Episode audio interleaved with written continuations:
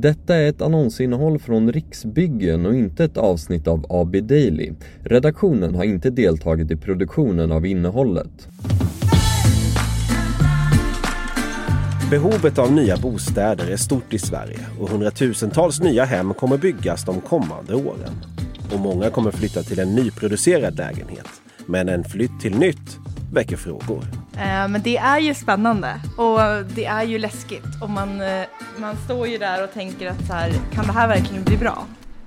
Välkommen till kvarteret Nybygget. Det fiktiva bostadsområdet där riktiga nyinflyttade bostadsrättsägare grannar med experter på bostadsfrågor. Här får du svar på dina frågor om att flytta till och bo i ett nyproducerat hem. Våning 2. Ritningar, kontrakt och förväntningar. Hej! Välkomna hem till oss! Kom in! Vi sätter oss i köket. Vid sidan om bostadshuset ligger ett nybyggt radhusområde och det är dit vi ska ta oss i det här avsnittet. Tvåbarnsföräldrarna Marielle och Marcus tar emot i dörren och vi slår oss ner vid den specialdesignade köksön som de låtit bygga mitt i det öppna köket med gröna luckor. Så att vi, vi har ju köpt en, en ny produktion då, och eh, 135 kvadrat. En, eh, ja, en, ett kedjehus. Hur var er situation innan ni flyttade hit? Eh, vi bodde i ett, eh, ett liknande hus, ett, ett radhus på 118 kvadrat. Också byggt av Riksbyggen i samma område. Så det här är väl en större version av ett lik, samma hus. Hur kommer det sig att ni började titta efter nytt?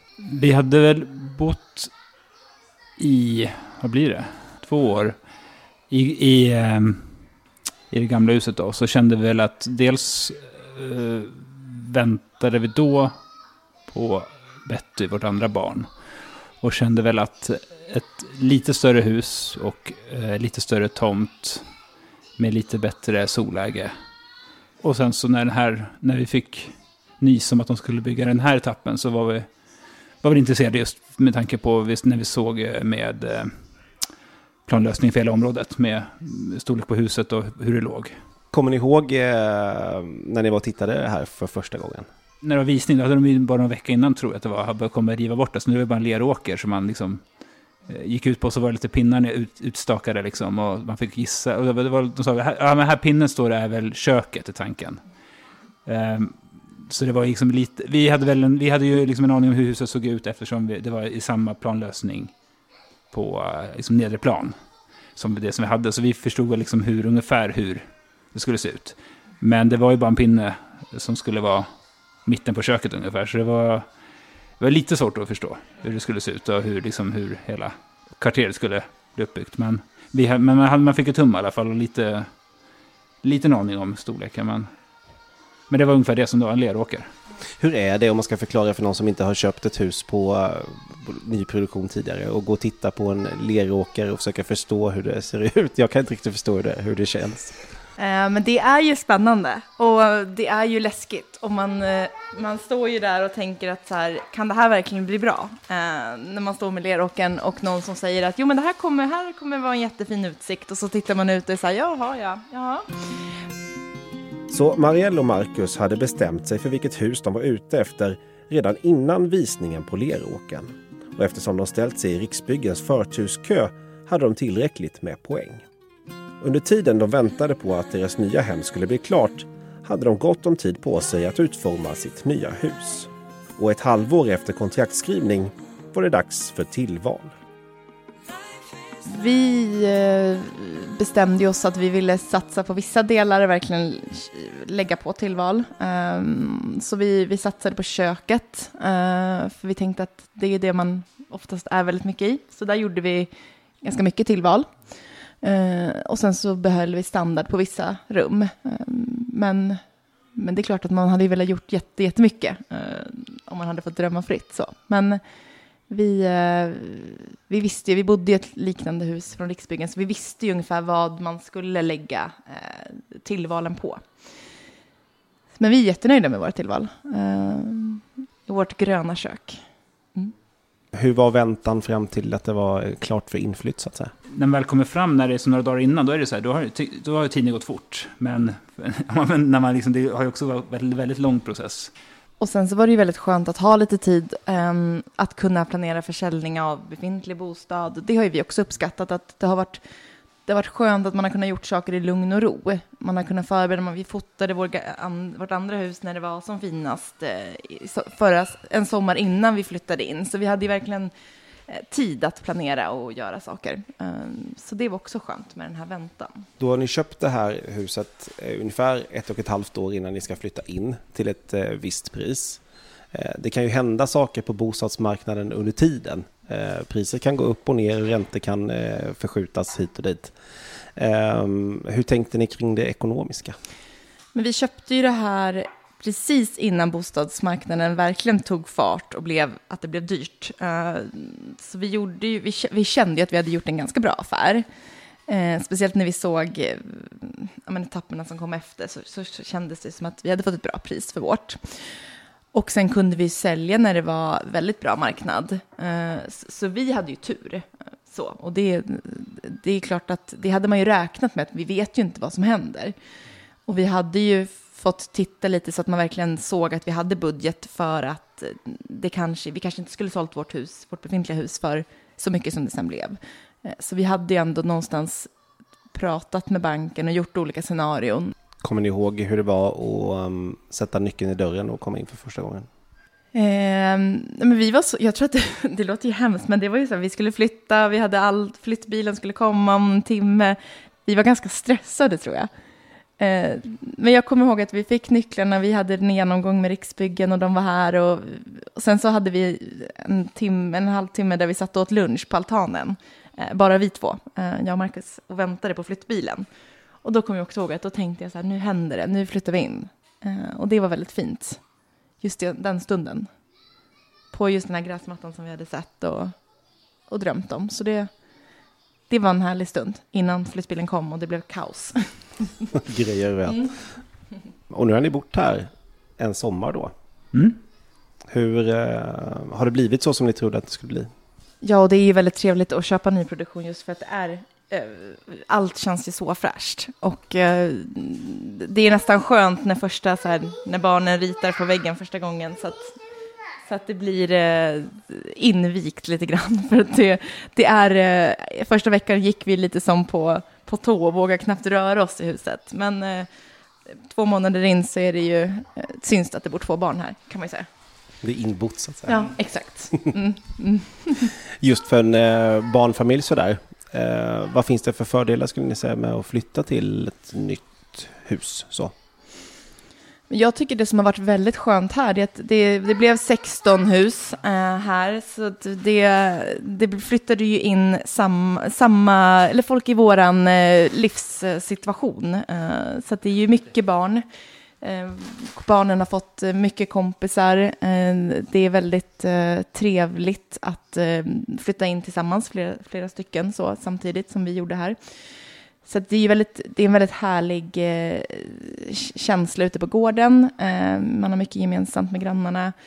Det är ju såklart trevligt att bo i ny, nytt också, att vara först in. Eh, och att det som händer, det är våra barn som har gjort. när det blir repor i golvet eller sådär, det, då är det bara vi som, som har varit här. Så det, det tycker jag har varit, eh, att det är fräscht och att det blir, det blir väldigt trevligt just sådana områden med barnen. Vi lämnar Marielle och Marcus radhus och plingar på hos grannen Tobias. Han är expert på hur ett bostadsköp går till och vad man ska tänka på när man letar efter ett nytt hem.